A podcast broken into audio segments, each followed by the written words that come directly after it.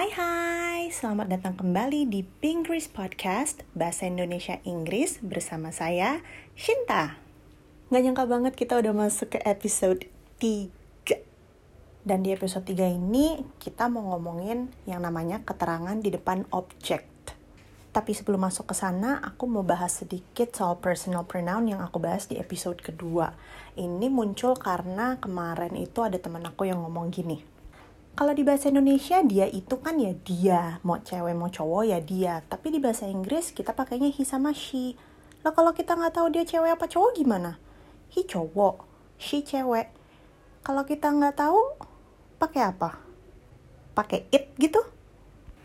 It, it, itu bisa dibilang untuk nunjuk benda mati. Artinya tuh itu gitu. Untuk nunjuk benda mati atau binatang hewan yang kita nggak tahu gendernya cewek apa cowok bisa kita pakai it. It itu juga bisa penggantinya that atau this. Sama aja. Kalau that kan kayak itu this tuh kayak ini. Nah it itu bisa dibilang netral. Mau itu ini bisa pakai it. Nah yang netral kayak gitu adalah untuk menggantikan he dan she ketika kita nggak tahu dia itu cewek apa cowok kita bisa pakai they they. Ya, they mereka. Nah, terus bedanya apa? They mereka sama they ketika kita nggak tahu orang yang kita omongin itu he atau she. Nah, dalam bahasa itu penting banget untuk kita ngerti konteks. Konteksnya they di mereka adalah ketika kamu sudah tahu um, orang yang dibicarakan itu lebih dari satu, dan orang yang dibicarakan itu tidak termasuk kita sebagai pembicara gitu. Kalau kita sebagai pembicara kan kita, kami, we gitu.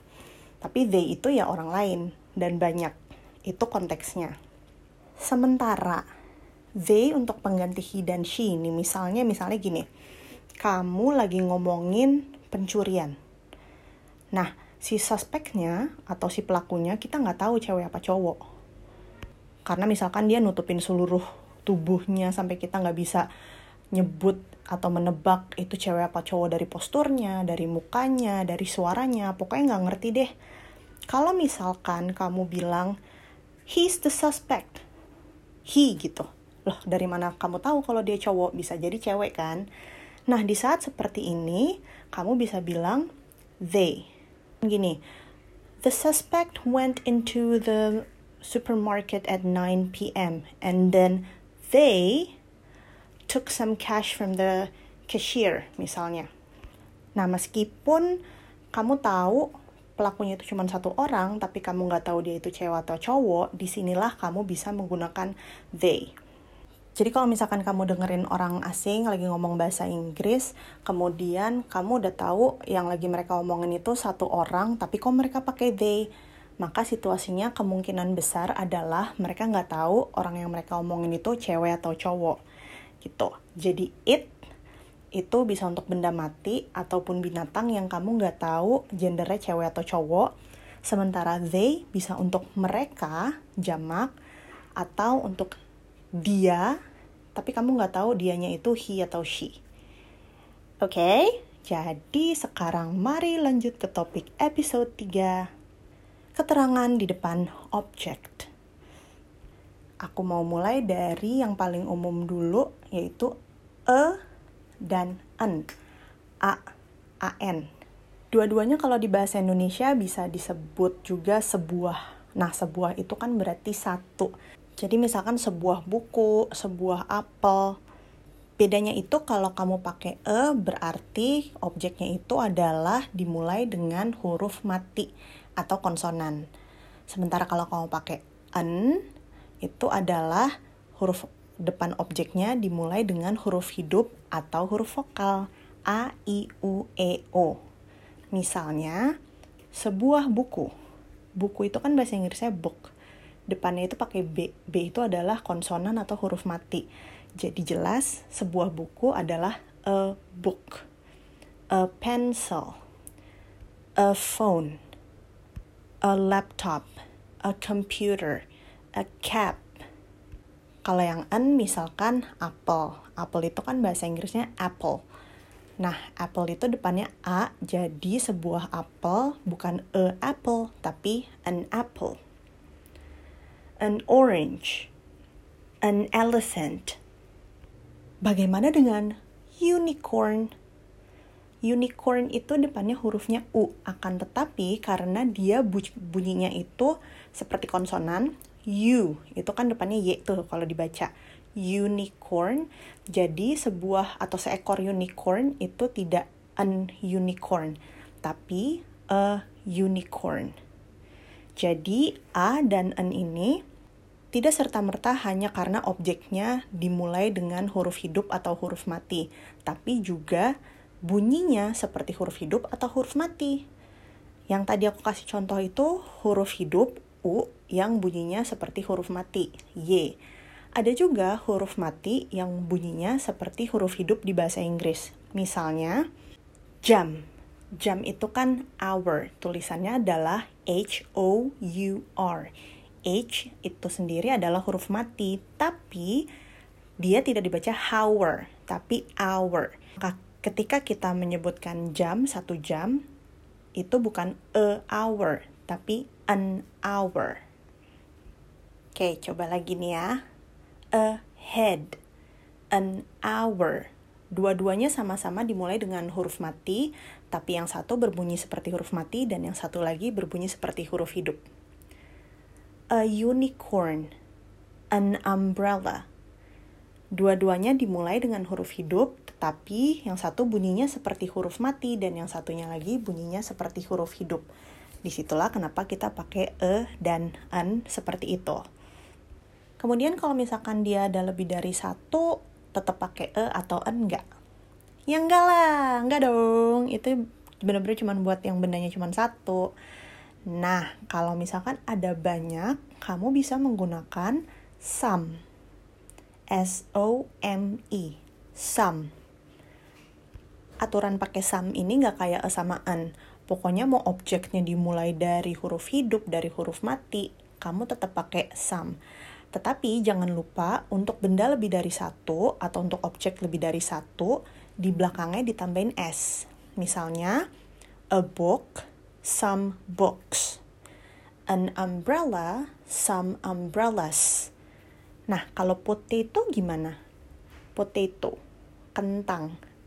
A potato, some potatoes. Tapi, untuk kata-kata yang belakangnya O itu rata-rata dia ditambahinnya bukan S, tapi ES. Misalkan potatoes, potatoes. Tapi ini jangan dibaca ya, potatoes. Mangoes misalnya juga. Tapi ingat ya, nggak semua objek yang akhirannya O itu ditambahnya ES. Ada yang ditambahnya S aja. Misalnya video.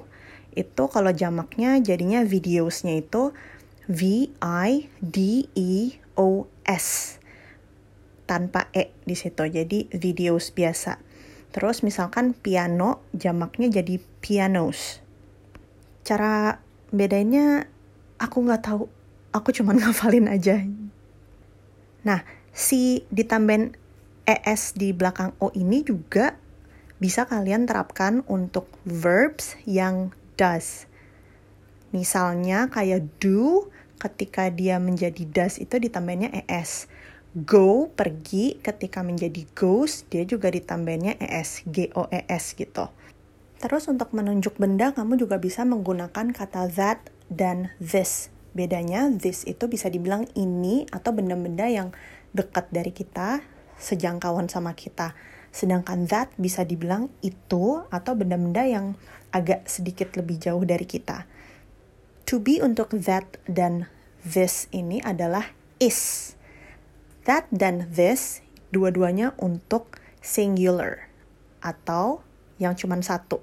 Misalnya this book, that book. Sementara kalau misalkan bendanya ada banyak, this dan that-nya berubah. This itu jadi these. T H E S E. Sementara that jadi those. T H O S E. Jangan lupa aturannya sama kayak sum, di objeknya itu tambahin s di belakang. Misalnya, These books, those pencils. These computers, those phones.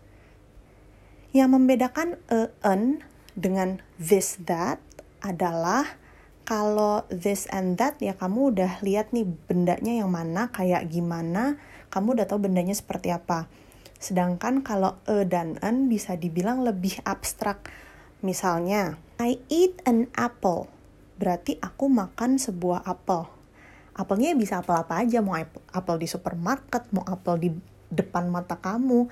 Orang nggak peduli itu apel dari mana atau apel yang mana.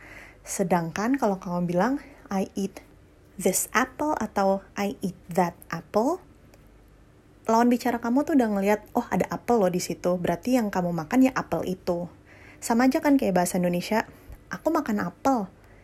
Apel yang mana nggak tahu tapi misalkan di depan kamu dan di depan lawan bicara kamu itu udah apel, terus kamu makan, kamu bilang, aku makan apel ini, aku makan apel itu. Ya lawan bicara kamu tahu apel yang di hadapan kalian itu atau apel yang sudah kalian tahu itu yang kalian makan. Itu bedanya. Nah, prinsip ini juga sama ketika kamu apply di some dan these and those perbedaannya itu sama. Kalau some sama kayak a dan an kayak lebih abstrak objeknya. Sementara kalau these dan those udah lebih jelas bendanya maksudnya yang ini loh atau yang itu loh. Kita udah tahu bendanya yang mana. Gimana udah jelas kan? Sekarang coba kita gabungin this, that dengan a, an. Kalian sekarang udah tahu kalau this dan that itu adalah ini dan itu. Nah, sekarang kita mau menggabungkan itu dengan e dan an, misalkan gini, kamu mau ngomong ini adalah sebuah buku yang dipakai this atau that. Bendanya agak dekat, berarti kamu pakai this. This itu dengan that pasangannya sama is, bukan m, bukan r. Jadi this is. Nah, sebuah buku itu kan berarti bukunya cuma satu. Buku itu adalah book. Book itu awalnya konsonan. Kalau konsonan berarti a, jadilah a book. This is a book. Itu adalah sebuah buku. That is a book. Kalau bukunya banyak, this dan that-nya diganti dengan these atau those, tergantung maksud kamu apa. Kemudian hilangkan e dan n-nya, objeknya ditambahin s di belakang. Jangan lupa, these dan those pasangannya itu bukan is, tapi are. Jadilah, these are atau those are books. Kamu bisa menggunakan some books, tapi nggak wajib. Kamu tidak menggunakan some pun, orang-orang udah tahu kalau booksnya itu berarti ada lebih dari satu buku. Gampang kan? Coba deh kamu latihan bikin kalimat kamu sendiri, terus kamu cek-cek ulang catatan kamu. Kira-kira benar apa enggak? Soalnya bahasa itu kalau nggak dilatih sama juga bohong. Lama-lama kamu bisa lupa dan sama sekali nggak terbiasa. Nah, sebagai bonus, aku mau kasih kamu satu kata lagi yang gak tahu kenapa orang sering bingung sama kata ini the T H E T H E the. Itu apa lagi kakak? Oke okay. kita bahas the. The itu kita gunakan ketika kita sudah tahu bendanya apa objeknya itu apa dan kita tahu bahwa lawan bicara kita juga tahu itu bendanya adalah benda apa. Kebayang nggak misalkan gini aku kasih situasinya gini hmm, kamu lagi baca buku. You read a book kan gitu. Terus kenapa aku bilang a book? Karena bukunya masih abstrak nggak tahu buku apa gitu kan. Terus kamu bilang sama teman kamu bahwa buku yang lagi kamu baca itu adalah Harry Potter misalnya. Kamu bilang I read Harry Potter kamu gak usah bilang buku Harry Potter lagi karena udah jelas Harry Potter itu buku maksudnya. I read Harry Potter. Nah terus teman kamu juga baca itu buku. Dia juga baca buku Harry Potter yang kamu lagi baca itu. Nah, instead of bilang I also read a book, teman kamu akan bilang I also read the book. Nah, dalam hal ini situasinya adalah kamu sedang tidak memegang buku itu. Jadi teman kamu nggak lihat buku yang lagi kamu baca. Kalau misalkan dia lihat kamu lagi baca buku itu, dia most likely akan bilang, "Oh, I also read that book." That book. Karena pertama bukunya itu ada di kamu, dia lihat bukunya dan itu tidak within reach dia. I also read that book. Coba lagi ya. Hey, I read a book. Itu abstrak. Hey, I read Harry Potter. Oh, I also read the book. Sekali lagi, baik kamu dan juga lawan bicara kamu sudah mengetahui objek apa yang kalian bicarakan. Dan the ini tidak terbatas pada singular aja, tapi juga bisa untuk plural. Jadi dia bisa untuk tunggal maupun jamak. Itulah kenapa kalau misalkan kamu nonton film, akhirnya akan disebut dengan the end. Dan awalnya akan dibilang the beginning. Karena kamu dan juga semua orang yang membicarakan film itu udah tahu beginning dan end yang dimaksud itu adalah beginning dan end dari apa? Ya dari film itu. Jadi gimana? Udah kebayang? Oke, recap ya, di episode ini kita membicarakan a dan an, kemudian some, this dan that untuk menunjuk ini dan itu tunggal, these dan those untuk menunjuk ini dan itu jamak, serta pasangannya dengan to be, is, dan are. Kemudian kita juga membahas the. Itulah tadi kata petunjuk objek yang digunakan dalam bahasa Inggris. Semoga episode kali ini membantu dan kita bisa ketemu lagi di episode keempat.